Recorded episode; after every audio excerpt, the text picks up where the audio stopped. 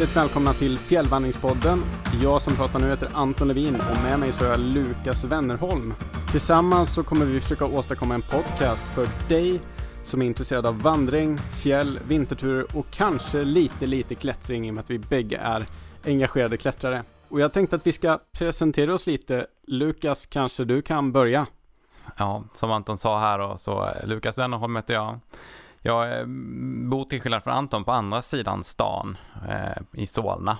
Är 29 år gammal, eh, spenderar förutom att eh, vandra i fjällen väldigt mycket tid på, på gymmet och på klättercentret. Det är väl mina stora hobbys. Nej, så med stan så menar du då såklart Stockholm? Ja, just det, såklart, för de som inte bor här. Precis, precis. Och, och ja, vår podd kommer ju inte tillbringa särskilt mycket tid här i Stockholm kan man ju tänka sig heller. Nej, det hoppas jag verkligen inte. Nej, precis, utan det här är väl framförallt en plats där vi kanske kan eh, drömma oss bort ifrån de här eh, trista asfalterade gatorna och stora betongfyrkanterna vi lever mitt bland. Precis. Jag som eh, introducerar mig själv lite i början, Anton Levin heter jag som sagt. Jag bor i södra Stockholm i Högdalen och när jag inte bor här så är jag förhoppningsvis ute och fjällvandrar eller klättrar eller åker skidor någonstans runt om i Sverige. Eh, jag är 29 år och eh, jag upptäckte vandringen framförallt genom att jag skaffade en hund för ett gäng år sedan när jag flyttade hemifrån och tänkte att ja men det är ju kul för henne att få komma ut lite.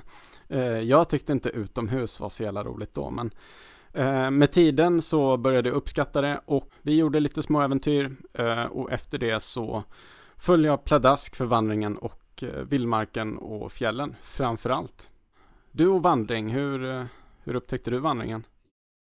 Den startade på ett lite, lite udda sätt ändå. Det började med att jag och några kompisar på den tiden jag bodde i Skåne fortfarande. Eh, tyckte det var roligt att komma ut och eh, ja, allt från att eh, paddla kanot till att bara sitta och grilla framför en öppen lägereld och eh, äta god mat utomhus. Så upptäckte jag hur, hur gött det är att vara ute i naturen och tälta och känna, få lite riktig luft istället för att eh, vara inne i stan. Så det, det ni, ni vandrade på, vad heter det, Brösarps backar där nere, eller vad heter det? Ja, det heter väl så. Det var ju inte där, men, eh, men absolut. Det är, det är typ den platsen så, där man kan vandra i Skåne som jag liksom har koll på. Och så, vad heter det, Kullens uh, fyr eller något sånt där. Eftersom jag är uppväxt eh, strax utanför Lund så var det mycket att man eh, rörde sig runt i, i skogarna och trakterna i närheten av, eh, av där man bodde liksom när man var ung, men, eh, eller yngre. Men eh, sen dess har jag ju hittat ut till lite större vyer.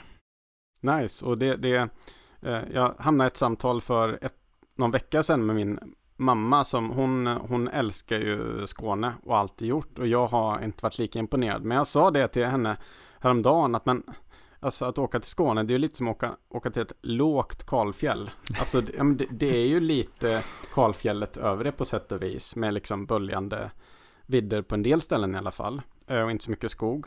Eh, så det, det är ju bara som ett sämre kalfjäll. Precis, men det är betydligt mer lövträd än vad det är ja. på det kalfjället. Jo, så. jo, så är det. Men jag tänker framförallt om man åker till Brösarps backar, det är ju det är liksom, eh, det är kalfjället fast vid havet. Stämmer, stämmer. Ja, eh, Skåne kommer vi inte prata så mycket mer om den här, det här Nej. avsnittet, men vi kommer säkert ha tid att ta oss tillbaka dit. Eh, varmt, varmt välkommen kära lyssnare. Eh, om det blir en podd av det här, vi spelar just nu in vårt, eh, vad ska man säga, pilotavsnitt för att testa det här lite. Och om det blir podd av det här så har vi som ambition att släppa, ja men ungefär två avsnitt i månaden från och med nu. Vår förhoppning är att föra med dig på en resa ut från kontoret, ut från bilen eller från arbetet och ut på de ringlande stigarna, blöta vaden eller falla framstupa med oss ner i den djupa snön. Och eh, det var ju ett tag sedan vi träffades senast Lukas. Vad har du gjort sedan dess? Ja, eh, du sa ju att vi inte skulle prata mer om Skåne, men jag har ju då varit i Skåne och hälsat på mina föräldrar bland annat. Eh, Eh, men eh, förutom det så har jag också försökt att fokusera lite mer på min, på min träning vid sidan av, av jobbet. Men annars har jag spenderat mycket tid hemma. Gött. Har du, har du varit ute och klättrat någonting eller så?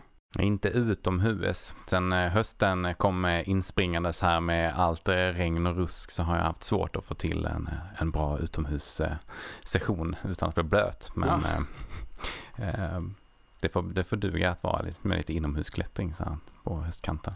Precis, och för den som inte själv klättrar så kan man ju säga det att eh, klättring i med klätterskor eller gummistövlar eller vad man nu skulle få för sig att använda när det är blött är, eh, det är ganska svårt och eh, risken att slå sig är väldigt hög. Så att eh, ja. det, det, är, det är något om, som man kan göra om man vill späka sig själv.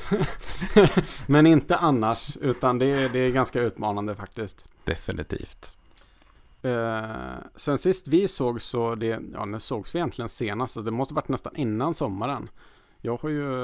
Ja, jag tror det. Ja, precis. Jag har ju, jag har ju hunnit upp till... Eh, jag har ju bilat genom hela Sverige upp till, upp till Tromsö en sväng. Varit i Kebnekaisefjällen och lite sådär. Och ja, men varit hemma och firat midsommar såklart. Jag kommer ju då från, från Värmland. Så att... Eh, eh, och det kanske inte hörs. Jag vet inte. Det jag brukar hävda att det inte hörs. Eh, men många som hävdar att deras dialekter inte hörs, de ljuger också. Så att det får ju ni avgöra. Ja, jag tror bestämt det. Jag brukar också få höra att min skånska är eh, inte så grov som den en gång varit. Nej, nej, alltså jag skulle gissa så här södra Småland eller Blekinge eller någonting. typ så, om jag hade träffat dig första gången. Ja, det blir så. Det blandas ihop. Jo, precis. Sen är väl också Lund en komplicerad ort så dialektalt med. Absolut, det är en eh, bred blandning. Nej men eh, så jag har varit lite, lite varstans, eh, framförallt i norra och mellersta Sverige och eh, även uppe i Nordnorge och eh, det, det var en fantastisk sommar. Eh, jag sprang ett, sprang ett lopp uppe i Nordnorge och hade någon vecka vid, vid Kebnekaise-massivet tillsammans med, med vänner och sådär. Och nu så är jag ju i Stockholm men häromveckan så gjorde jag en liten avslutning på hösten. Jag var och var uppe i Härjedalen och var ute och vandrade. Eh, jag gjorde en tur som jag kallar Sylarna runt. Men det var, det var en, eller nej vad säger jag, nej inte alls Sylarna runt, nu ska jag, Lunddörren runt. Eller Dörrarna runt till dörrarna och med. Runt. Precis, och det var en, var en kille på Facebook som eh, som var lite finurlig, eller ännu mer finurlig än jag. Han kallade det för svängdörren. Svängd. Eh, precis. Ja, det är ett bra namn. Och det var ju helt enkelt att jag, jag vandrade upp till Lunddörren och så gick jag, passerade ett pass över till Lind, Lill-Lunddörrspasset och över till Storådörspasset och sen ner tillbaks till där jag hade parkerat en två dagars tur. Och det, så det blir ju liksom runt alla de här dörrpassen som ligger där nere. Sen finns det säkert något mer dörrpass. Det, de tar ju aldrig slut, de där. Jaha. Jag har ändå vågat ge sig ut så här på höstkanten. Det känns som att det finns en ganska hög risk för att man kan bli lite blöt. Jo, precis. Med precis. fötter och resten av kroppen. Precis, det var ju, det var ju jag tror det var en så här veckoprognos där, du vet, eh, moln varje dag men inte massa nederbörd. Eh, men det kan ju betyda vad som helst. Precis, det är det de skriver när de inte vet vad det ska vara för väder. ja, lite så. Så att eh, ja, men när jag kom upp till Lunddörren så var det strålande sol, jättefint. Eh, eh, och liksom, eh, det var lite dimma men det sprack upp under dagen och eh, lite småkyligt sådär som det kan vara på hösten. Men annars, ja men en, en riktigt fin dag. Och sen så så slog jag upp på kvällen mitt tält i Lillundörspasset. Eh, och det såg ut som, eh, ja, det, det, var väldigt speciellt. Det, det ser, såg lite ut som att eh, det hade dragit ner meteoriter där och bara flyttat stora, ja men det är som, som kratrar och Ja men det var som stora, stora raviner eh, överallt eh, med liksom gamla moränryggar, alltså eh, sand och sten som glaciärer liksom för, för Från istiden. Ja, precis. Flyttat på, så det är väldigt speciellt eh, och mycket upp och ner och sådär. Ehm, och eh, hittade till slut en bra tältplats med lite lä. Eh, och så vaknade jag liksom klockan två på natten av att eh, tältet skakade ordentligt för att det liksom hade slagit om och blivit storm. Och så nästa dag så hade jag motvind och spöregn rätt i ansiktet hela dagen. ja, det låter som en riktigt härlig tur. Ja, precis. Första dagen fantastisk, andra dagen den var mer mental utmaning.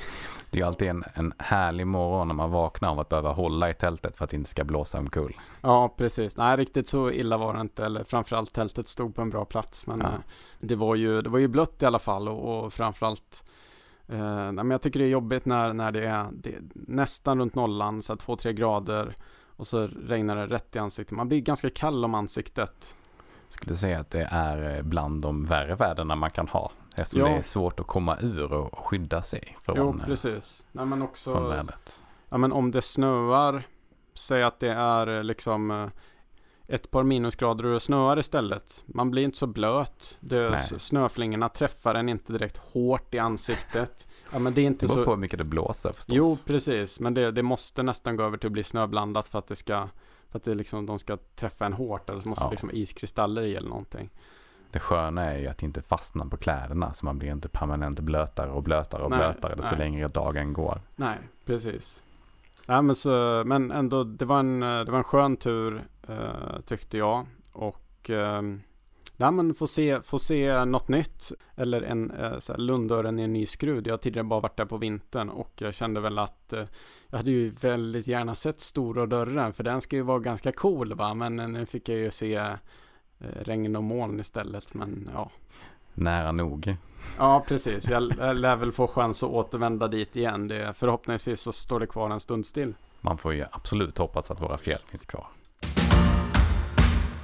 Idag så har vi tänkt att stanna lite, inte riktigt i Härjedalen, utan vi ska precis över gränsen till Jämtland. Eh, för idag så tänkte vi faktiskt ha som huvudtema att prata om Sylarna. Det är ju ett eh, område i södra Jämtlandsfjällen som vi bägge har ja, men ganska mycket relation till. Uh, och jag tänkte att vi ska, vi ska introduceras i synerna lite, lite med en tur som Lukas gjorde där för, var det ett par år sedan? Ja, det var ett par år sedan. Det var precis innan den här pandemin drog igång som jag var där under vintern. Gött. Annars är det ju ett, det ett bra ställe för att hålla rejält med avstånd från andra. Det var väl eh, precis så vi också tänkte att eh, när man åker till fjälls så behöver man inte vara så nära. Slipper stå och köa inne på apoteket och sådär. Och Silarna är ju det är ju ett eh, fjällmassiv, men eh, kanske mest känt eh, tack vare att det också ligger en fjällstation där, eh, STF Sylarna, som, eh, ja, jag har bott där, har du bott där? Jag har aldrig bott på fjällstationen, men jag har tältat precis utanför. De har ju en väldigt trevlig bastu där inne, ja. bland annat. Definitivt. Jag har gjort uh, bägge delarna, både tältat och uh, sovit på fjällstationen. Det är ju definitivt rekommenderat ett besök. Den är ju hyfsat nyrenoverad. Jag tror att de byggde ut och byggde om 2016 om jag minns rätt. Kan det stämma? Jag vet faktiskt ja. inte. Nej, men någonstans, men någonstans där. De det är väldigt fint i alla fall. Ja, precis. En ny och fräsch restaurang med jättefin utsikt över då fjällmassivet Sylarna. Goda middagar, eh, bra bastu. Eh, det som kan vara värt att känna till om tältplatserna är att det är en ganska väderutsatt plats och det är inte så många, liksom, eller så lätt att hitta lä för sitt tält om man ska tälta där. Så man kanske, å andra sidan, man är ju nära en fjällstation. Det är inte så att, ja men händer någonting med tältet så man kommer ju klara sig. Man har ju någonstans att ta mm. Ja, väder eh, får man uppleva vid Sylarna om man har lite tur. Jo, precis. Det är ju långt in på kalfjället, ungefär två mil från Storulvåns fjällstation. Eh, dit man kan ta sig med buss till exempel, eller med bil om man vill det eh, på sommaren. Och eh, Sylarna är en del av eh, Jämtlandstriangeln som är eh, eh, ja, men en av Sveriges populäraste vandringssträckor. Ja, den är ju väldigt, väldigt lättåtkomlig och har en terräng som många kan gå i. Och sen är det ju förstås också fantastiskt vackert. Uh, jag kan ju erkänna att jag har inte gjort hela Jämtlandstriangeln, men jag har gjort uh, uh, jag har gått till Sylarna. Ja, jag har inte heller gjort hela Jämtlandstriangeln. Jag har också bara gått till Sylarna. och utgått från Storulvån för att gå mot andra andra delsträckor i fjällen. Men just hela Jämtlandstriangeln har jag inte haft äran att gå. Någon gång kommer äran till ja. den som väntar. till den som väntar, ja, precis. Inte det talesätt som är känt. Nej, jag skojar. Eh, men, men eh, eh, i alla fall. Sylarna består då av ett gäng toppar, det här fjällmassivet och då Storsylen som är massivets högsta topp på 1762 höjdmeter och eh, Storsylen bestegs så tidigt som 1885 så att eh, det är ju ett berg som har eh, varit en del av, eh, vad ska man säga, den sydsvenska eh, eh, fjällhistorien ganska länge. Eh, och eh, det som är lite intressant med den här, det här området, det är ju också att det har varit en eh, populär turistattraktion under väldigt, väldigt lång tid. Redan 1920 så beräknar man att antalet bestigningar av eh, Storkylen var uppe i ungefär 300. Så att det var 300 personer varje år som besökte eh, fjällmassivet och, och, tog sig upp på Storkylen. Och det här var ju troligtvis då främst sommartid, för det var inte så att skidbestigningar och vinterbestigningar på den tiden var en så stor grej. Det, det som är så häftigt med, med syl, sylmassivet är ju att det är ett ganska spetsigt fjäll det, det kan påminna mer om ett eh, så här, berg i, i alpmiljö jämfört med de här lite mer mjuka fjällen som man är van vid i Jämtland. Det är en eh, fantastiskt cool syn. Jo, precis. Jag vet att eh, Dalarnas eh, klätterklubb säger att det är, liksom, eh, det är Jämtlands enda alpina eh, fjällmassiv. Ja, vad betyder det då? Att det är ett alpint eh, Ja, det, det, är väl att det är lite brantare och ja. lite mer klätter eh, så. För det, är, det är ju det är ett fjäll som har en lång klätterhistoria också. Där det är massvis med klätterleder hit och dit. Och du var ju där på vintern och eh, gjorde en av ja, men, de längre turerna i Sverige där. Ja, det stämmer. Vi, eh, jag och en, en god vän, vi åkte lite spontant dit under vintern. Ja, för några år sedan då som vi sa. Och eh, gjorde den här turen som, eh, som kallas för den stora syltraversen. Då går man från eh, den ena sidan eh, av massivet som heter Templet över hela längs en längs ryggen hela vägen tillbaka ner till fjällstationen igen. Den är, det, den är ganska lång, eller hur? Ja, eh, det finns ju eh, siffror på de som har gjort det här riktigt, riktigt fort. Men när vi var ute så var det en, en tur på eh, 10-11 timmar, tror jag. Men, men, den är ett gäng mil, är det inte så? Nej, ja, jag tror, ja, den är nog strax under två mil. Okay. Kanske så, 18 kilometer. Men jag ska säga att jag inte har stenkoll på den siffran. Det är, du som lyssnar på det här kan ju alltid höra av dig och ja. rätta oss om vi har, har sagt någonting osant. Men, men eh, berätta lite om den turen. Ja, det började ju faktiskt med att eh, vi gick från, eh, från Storulvån in på skidor. Eftersom jag inte är den mest eh, skidvana personen så hade jag hyrt ett par topptursskidor inne på Storulvåns fjällstation med ett par pjäxor som var alldeles, alldeles för stora.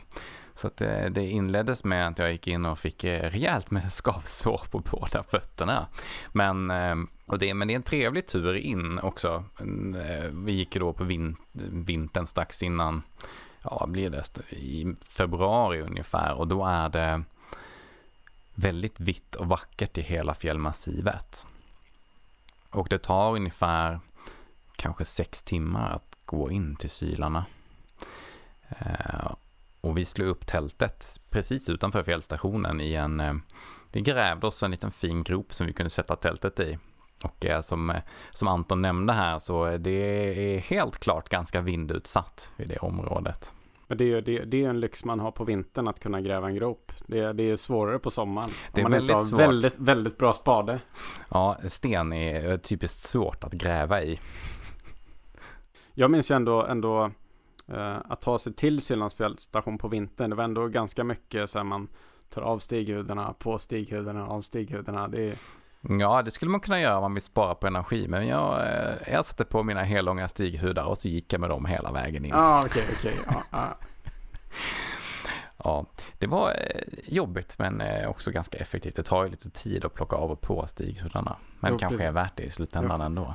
Jag ser det som varje gång man tar av dem så, så blir man ungefär 10 millisekunder snabbare på att ta av dem och tvärtom när man ska ha på dem. Liksom. Så att, eh, Det är klokt. Eh, Om man, om man tittar på folk som håller på med så ski mountaineering och tävlar i det. Alltså de kan ju ta av och på stighudarna på ja, men, ungefär du vet, 5 till 10 sekunder. Det är extremt effektivt. Det är jättekult att se. Jag är inte där riktigt än, men jag tänker att eh, eh, trägen vinner. Ja, man får nog eh, träna en hel del om man vill nå de där tiderna. Men eh, man kan absolut bli snabbare på att ta av sina stighudar. Då, då blir man ju bättre på det. Men eh, den, här, den här turen då som vi gjorde, efter att ha eh, gått in då på, på fredagen tror jag det var och spenderat natten utanför fjällstationen. Eh, så gick vi upp ganska tidigt på morgonen för att göra stora syltraversen då. Och den börjar med att man skidar bort, om man gör den på vintern då, så skidar man bort mot en av eh, eh bergsmassiven som heter eh, Templet. Och när man kommer till templet som tar det ligger kanske fem kilometer bort från fjällstationen så, så är det en lätt klättring upp till eh, det som kallas för Tempelpinacken som är en väldigt cool liten topp. Och eh, på vintern så blir den liksom täckt av eh, det som kallas för blomkålsnö. Så det ser ut som en stor blomkål liksom, som man ska då klättra upp på. Och för er som inte ser här så målar Lukas nu med händerna och det är så här, det, det, det är, ni, ni missar någonting. Ja. Och eh, efter att man har tagit sig förbi den här första toppen eh, så är där ett litet eh, spännande moment där man måste ha med sig rep för att fira ner för en liten eh, en liten 10 meters hög kant som krävs att man tar sig ner för, för att ta sig vidare runt mot, eh, mot Storsylen. Eller mot Storsola som är nästa, som är nästa topp man tar sig upp på. Och det är inte nog med snö som man bara kan hoppa och landa i mjuk snö. Nej, Det är inget man vill göra där. Det, det är inget man vill göra. Ehm, Det jag skulle säga att det är kanske 15 meter. Så att det Ja, är ett ja. rejält dropp och det är också Mm. ganska det droppar ju vi- vidare ner längs kanten sen Mm. så man skulle kunna kana långt ner om man Ja. har lite otur. Men så ni är uppe på tempelryggen. Ni har, ni har tagit upp för den här vid pinaklarna och, och sen så har ni, har ni firat ner. Precis. Och vidare därifrån så är det där kommer ett litet, ett litet klätterparti. Det som man brukar, det är väl den svåraste biten, åtminstone på, eh, på sommaren. Eh, där man ska klättra upp för en liten, liten bit. Så det gör vi. Vi tar oss upp för den här lilla klättersektionen eh, med vår, våra stegjärn på. Och så fortsätter vi upp mot eh, Storsola som är en väldigt häftigt belägen topp. Den breddar ut sig som en stor platt yta uppe på, på eh, mitt uppe i, i um, fjällmassivet. Jag har ju stått uppe på ska säga, ryggen på slottet och blickat ner mot folk som har passerat mellan Storsola och Storsylen. Och se dem på den där siluetten och det är ju otroligt vackert eh, att se folk där eh, passera och så har man liksom Norge i bakgrunden. Ja, Ja, ja, vyerna man ser från de här eh, uppe från de här topparna är verkligen eh, fantastiskt vackert. Det som var lite spännande med att man ska ner från Storsola igen, ner på den här dalen som, som är mellan Storsylen och Storsola. Så vill man gärna åka skidor ner på vintrarna för att det är ju en, en ganska långt att gå och hyfsat brant neråt. Eh, Men tyvärr så är det ju inget eh, fin, eh, eller oftast inte i alla fall någon fin pudersnö att åka i utan det kan mer vara sån här vindpinad var inte is. så, så, så, Ja, så men skillad. Hur var att ta sig ner på skidorna.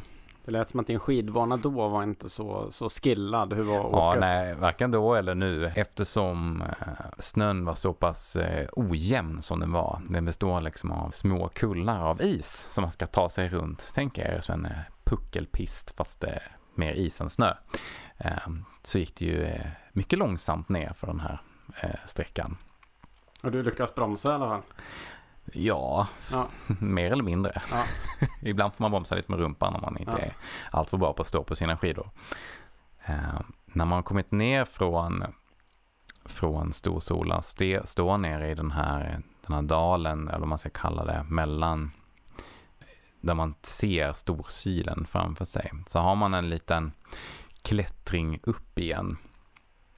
Och ungefär vid det här laget så eh, drar vädret in när jag är där. Och eh, det går från att vara en, en, klar och lite solig dag till att bli eh, alldeles eh, molntäckt och eh, börja snöa och blåsa ganska kraftigt.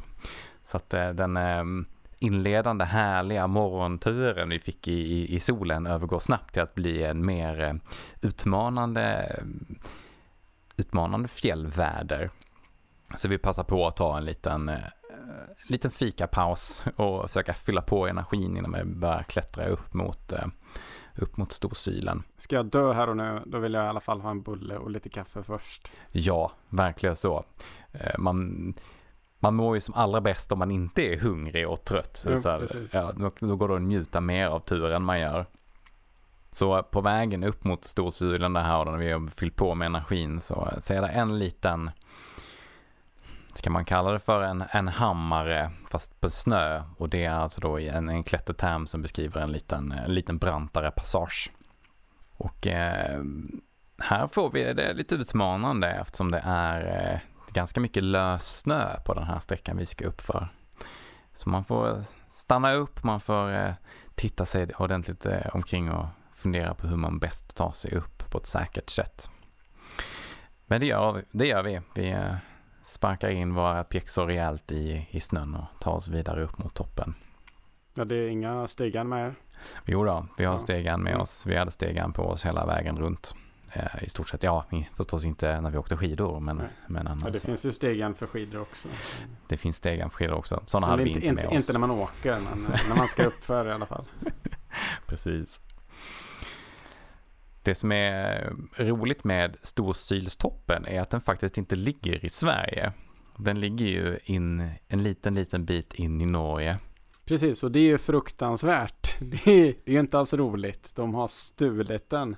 Det, och det, det, där borde vi ju, det där borde vi ju ordnat. Det där borde vi löst innan vi, vi gav tillbaks eh, självständigheten till Norge, tycker jag. Alltså det, det handlar ju om 20 meter eller något sånt där. Ja, den här fantastiska fjälltoppen ligger precis in på den norska sidan och kan då inte anses vara en svensk topp. Nej, precis. Men eh, trots det så är utsikten från den här toppen lika vacker och i det i vinterlandskapet som eh, böljar nedanför en så, eh, så är det lätt att fastna där uppe och bara titta sig omkring liksom för det är, det är så fint. Ja, vidare från... Är det, är det den här uh, toppsjukan man pratar om på Mount Everest och sådär? Exakt, man, uh, man fastnar och bara njuter av sina fantastiska prestationer. Nej, det är inte alls uh, samma typ av ansträngning. Men uh, nog vill man njuta av utsikten och av att ha kommit upp där i alla fall. vidare från, från Storsylen sen så går man mot Eh, Eh, den andra fjälltoppen som heter Lillsylen. Och det är också en liten en rygg som man följer ner från Storsylen. Och här, härifrån så blir det en ganska behaglig tur. Det är, det är inte särskilt brant och det är inte särskilt eh, exponerat. Så där kan man i lugn och ro ta sig bort mot Lillsylen. Och vill man, eh, vill man hem snabbare så kan man ju eh, ta skidorna rätt ner i kitten vid Lillsylen och glida ner till fjällstationen i princip. Om man eh, nu inte vill kunna säga att man har gjort hela Syltraversen. ja, exakt.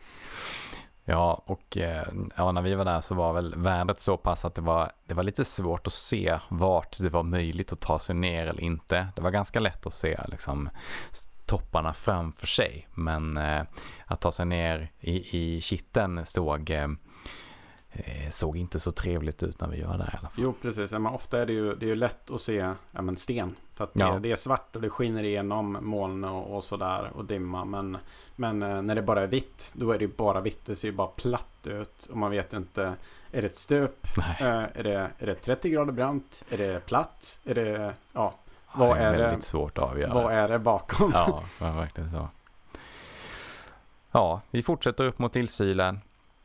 Och nu har det börjat gå några timmar så nu börjar man ju bli lite sugen på att ta sig ner, börjar bli lite trött sådär. Och eh, som tur är så ner från Lillstylen sen så går det att glida hela vägen på skidor. Dock är väl även här, om man har otur, snöläget inte det absolut bästa. Eh, det var små, ska man säga, små, små istoppar på typ så en halv meter som en, en riktigt vass puckelpist som man var tvungen att ta sig ner för. Men eh, man kan ta sig mellan många av de här små eh, ishindren och ändå glida hela vägen ner mot fjällstationen. Och man kan väl tänka sig att eh, vill man ha tur med skidföret och inte helt förlita sig på att alltså man ska ha nysnö. För nysnö det kan man ju få i januari eller februari eller mars och det, man kan få jättefina liksom, puderförhållanden. Men vill man har ett lite, lite mer säkert kort eh, så kan man åka lite senare på säsongen. Då får man generellt lite mindre is, kanske lite tyngre att skida i och med att det kanske smälter lite och sådär. Eh, men, men framförallt lite lättare skidåkning eh, som inte är helt beroende av vädret. Men eh, när man eh, spontant tar sig upp en helg så går det ju inte alltid att planera för vilket väder man ska få när man åker iväg. Men det är helt klart värt att göra ändå, skulle jag säga. Hur, eh, vad gjorde ni, ni när ni kom till fjällstationen? Hur firade ni? Vi firade med en, eh, en kall öl där inne och en härlig, en härlig bastning. De har ju som, som Anton nämnde här tidigare en, en fantastisk fin bastu som man kan eh, njuta av inne på fjällstationen. Och har vi, har vi riktig otur så kan det ju faktiskt vara så att du har druckit din sista kalla öl på Siljarnas fjällstation. För det är nämligen så att eh, eh, om jag minns rätt så är det eh, 2023 eller den 31 december 2023 så löper arrendet för eh, STF Sylarnas fjällstation ut. Och det är då staten som äger marken som Sylarnas fjällstation ligger på. Och det är så att eh, eh, det är inte säkert att man får ett förlängt arrende. Eh, och det kan helt enkelt betyda att eh, fjällstationen med tiden försvinner eller framförallt till att börja med tas ur bruk. Och den här frågan är inte riktigt avgjord än så att vi kommer väl få kanske chans att återkomma till det här vad som händer med Syrnas fjällstation. Men än så länge så vitt jag vet så så har man inte kommit till något beslut huruvida man ska få ett förnyat arrende eller inte. Jämtlandsfjällen är ett komplicerat område där turister och eh, renskötare är samlade och kanske man till och med ska säga trängs på en ganska liten yta. Det finns en hel del eh, samebyar som har en hel del renar som, och, som har skött sin verksamhet under liksom hundratals år i de här fjällen. Och där vi då som, som turister ska samsas med de här. Och eh, just kring Sylarna så är ett sådant område där samebyarna då har sagt att Nej, men det här är ett väldigt viktigt område för oss och eh, fjällstationen gör att det kommer ohållbart mycket människor hit tyvärr. Eh, så det är ju någonting som, som staten då antar jag behöver ta ställning till. Liksom vems intressen väger tyngst och sådär. Så att eh, vi får helt enkelt se vad det blir av Sylarnas fjällstation i framtiden. En väldigt olycklig konflikt eftersom det är ett fantastiskt vackert område som jag unnar alla att kunna ta sig till. Vi får helt enkelt hoppas på att det finns möjlighet att fortfarande besöka den här platsen. Jo, precis. En sak jag tyckte att eh, eh, som skedde, jag tror det var i vintras som det skedde, men jag är inte säker, det var att man slutade göra bandvagnsturer till eh, fjällstation. För jag tycker att eh, eh, personligen så tycker jag ju att både helleskiing och att eh, ta bandvagn ut till fjällstationer eh, Eh, är inte riktigt eh, så som jag ser på fjällen. Jag tycker att alla, alla ska ha tillgång dit. Alla, ska, alla är liksom välkomna dit. Jag har inga problem med att det är mycket människor någonstans. Uh, för mig personligen, jag störs inte av att det är mycket människor på en fjällstation eller mycket tält eller sådär. Jag har inga problem med att inte vara ensam på fjället. Men däremot så, jag är lite tveksam till det här när man börjar liksom Eh, köra upp fordon eh, för att eh, få upp människor på fjället. Vad kommer härnäst liksom? Pistar, eh, rulltrappor, ja. Man, eh, man, man miss, när man åker med den här bandvagnen så missar man ju tyvärr hela den här väldigt fina vandringen eller skidåkningen både in och ut till fjällstationen. den är ju i sig ett, ett jätte, en jättebra anledning att vara där. Den är ju... Det, det är lite som att ta bilen ut för att plocka svamp. Istället för att gå i skogen. Precis. Så det, ja, jag, jag, tycker det är konstigt. Jag tycker det var bra att man, man uh, faktiskt tog bort uh, den. För jag tycker inte riktigt att det hör, uh, hör hemma i fjällen. Håller väl med om det faktiskt. Sen så är det såklart, har man inte möjlighet att ta sig tillbaka av någon anledning och kanske till viss del ta sig ut, jag vet inte, eh, så, så, så är det väl en annan fråga. Men jag tänker att för vanliga medelsvensson som ska ta sig ut på fjället, ja, vi får anstränga oss lite.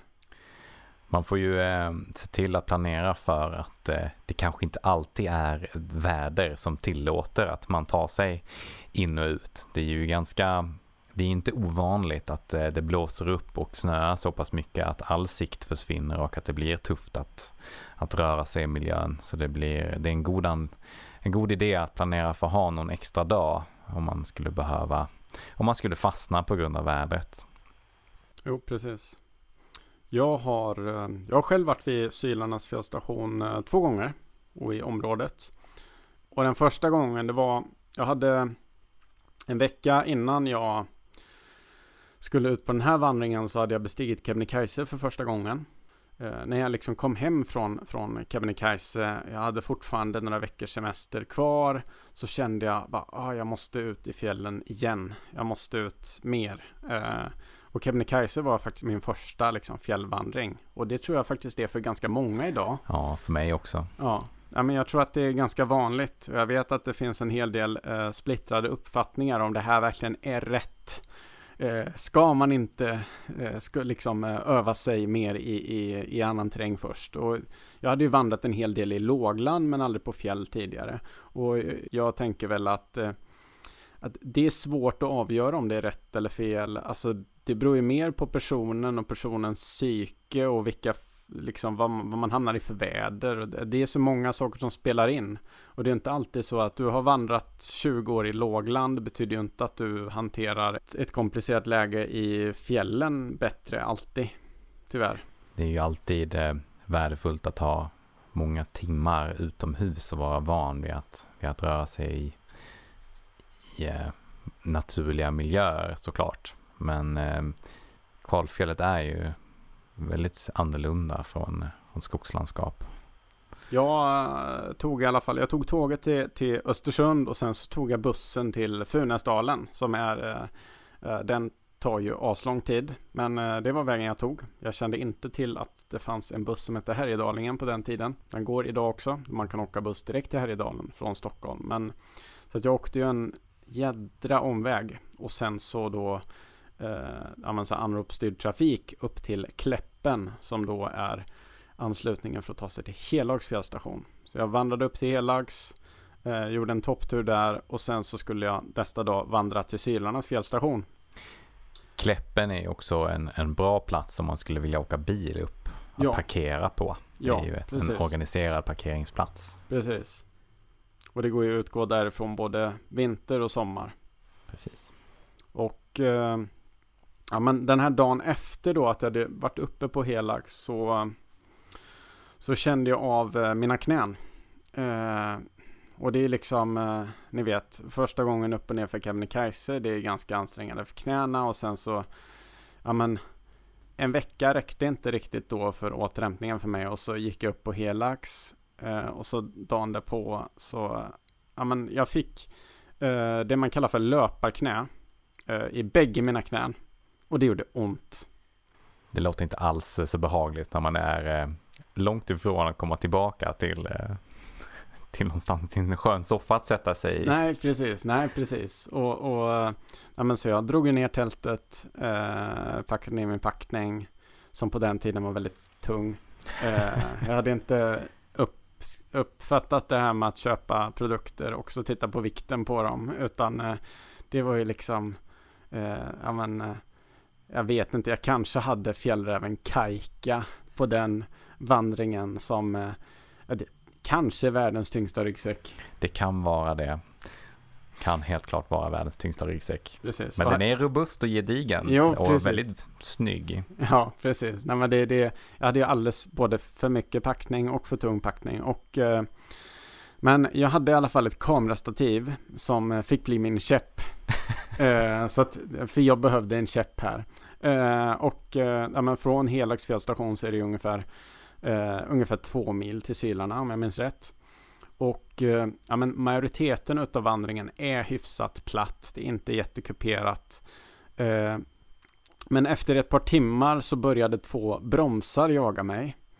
Eh, och ja, men det, var, det var ganska varmt och skönt så, men de här bromsarna, de, de gav sig aldrig. Och jag, jag vill minnas att i ungefär fem kilometer, alltså lite över en timme, så jagade de här bromsarna mig och eh, försökte envisas med att sätta sig på mig och jag viftade bort dem och så höll de på sådär och det, var- alltså, det var tortyr.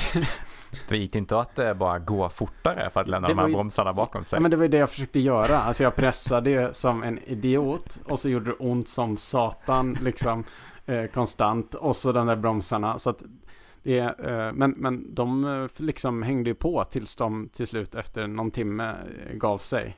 Men, men jag, Då hade de fått sig en, en bra måltid redan helt enkelt. Ja, precis. Eller, eller ja, jag kanske bara skulle satt mig ner och låtit dem bita mig och sen det hade varit mindre tortyr. Och det är ju att ge upp, det kan man ju inte göra. Nej, precis, precis. Nej, men så att den där, den där eh, kampen om liv och död, eh, den kommer jag aldrig glömma. Men också det, den här, ja, men det, det är som en liten uppförsbacke precis innan man kommer upp till krönet eh, till eh, där man sen kan se ner och se Sylarnas fjällstation. Och eh, ja, men den där sista nedförsbacken där ner till Sylarnas fjällstation, jag minns hur galet ont att gå ner för med, med knäna. Alltså jag, jag måste ju sett ut som att jag var 95 år och liksom hade artros och Ja, det gör ju ont i låren att gå uppåt, men ont i knäna att gå neråt.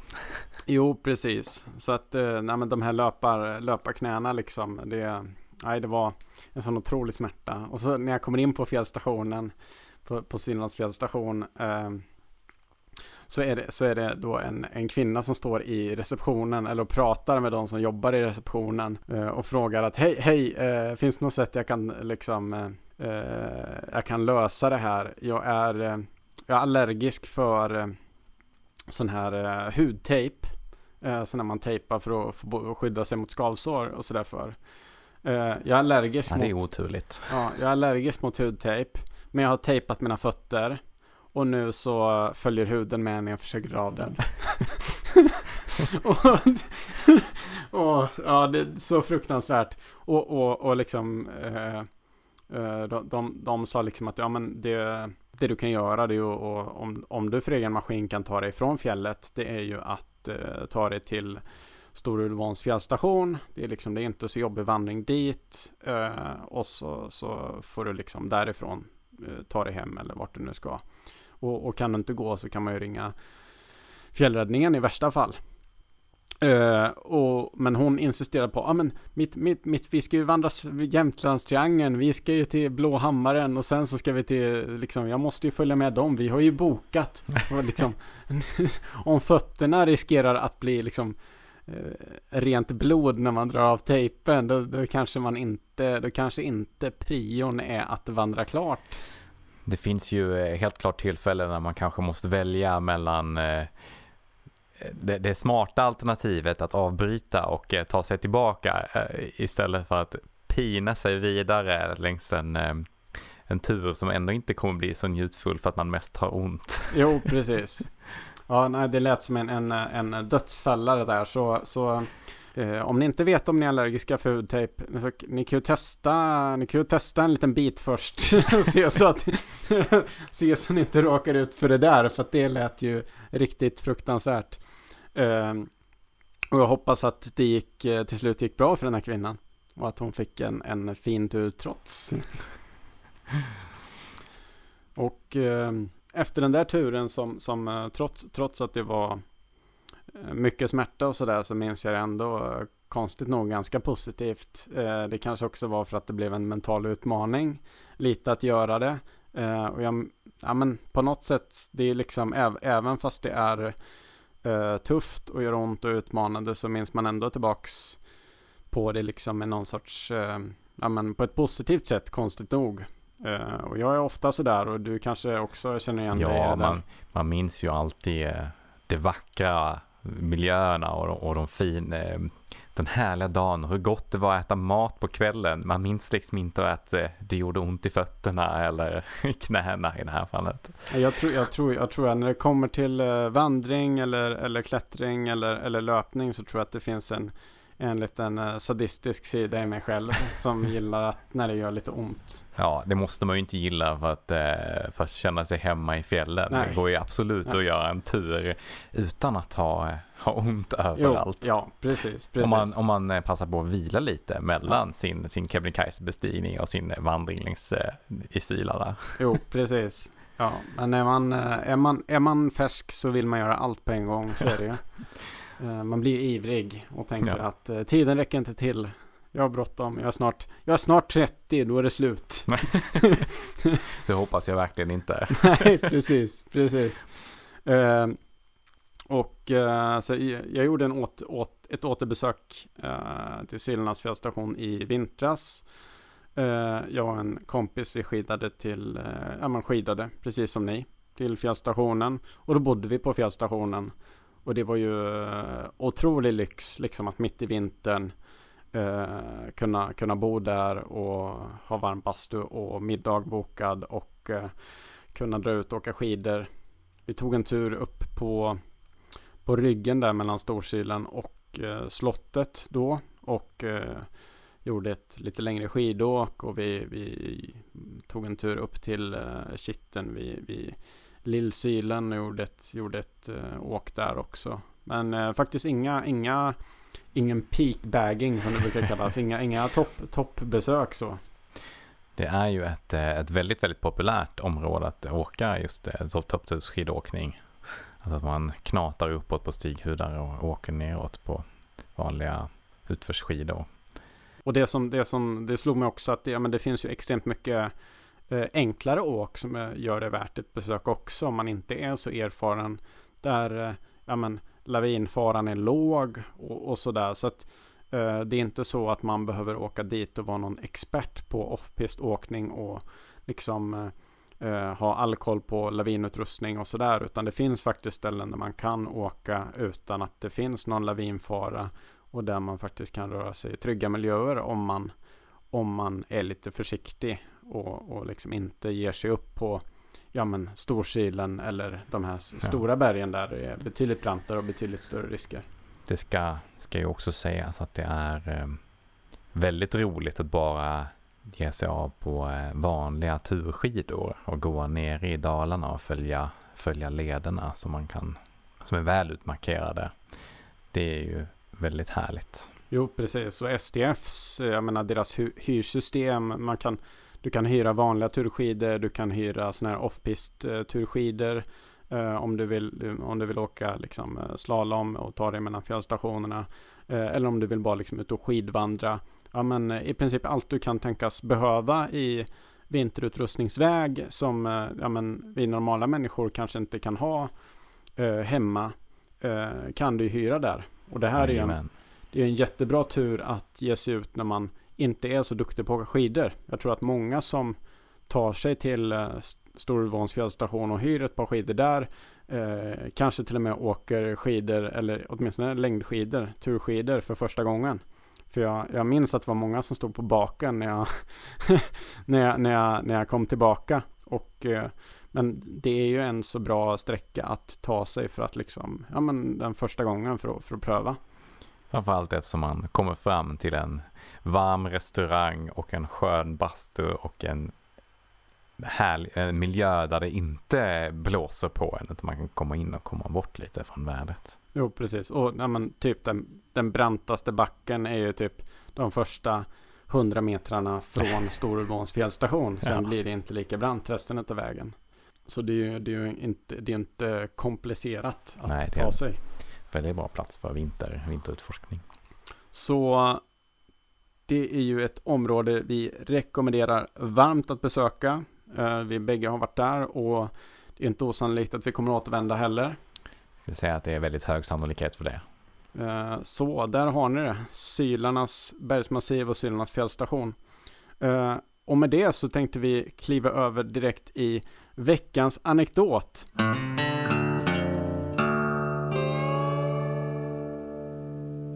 Och då är det ju så här att jag har ju en, eh, ett intresse av att bläddra lite i historieböcker. Jag gillar att eh, läsa bloggar om vandringar och sådär. Och eh, i, det här, i den här lilla passagen så kommer ni få någon typ av utdrag.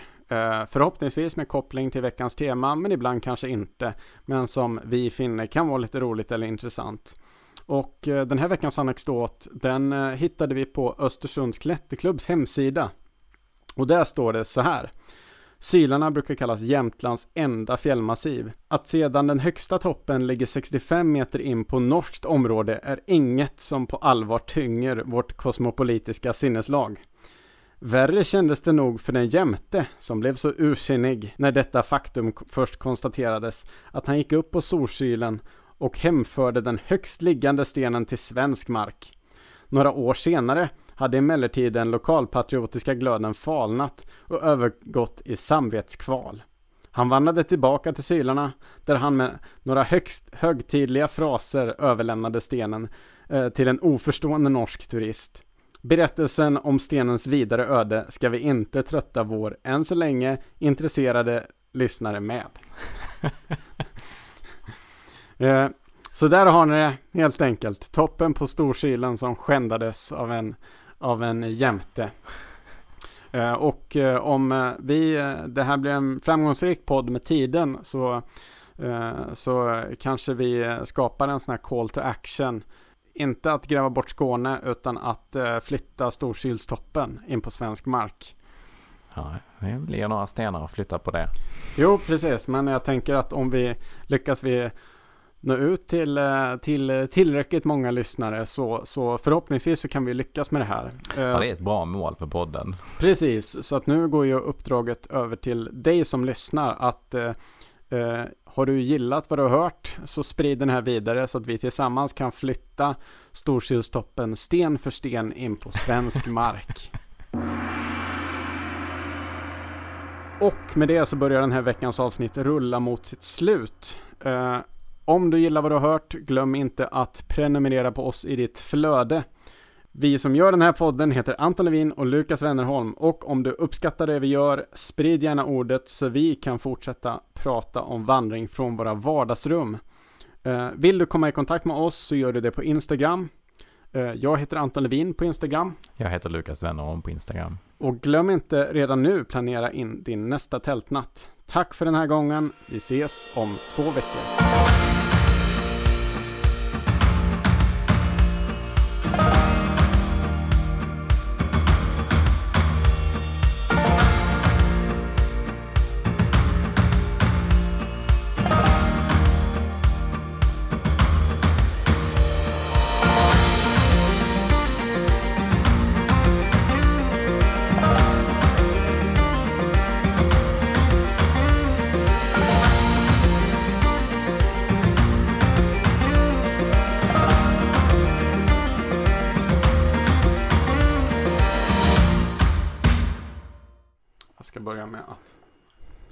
Ladda upp med lite energi. Eh, inte jägarsnus utan riktig energi? Du menar alltså att snusen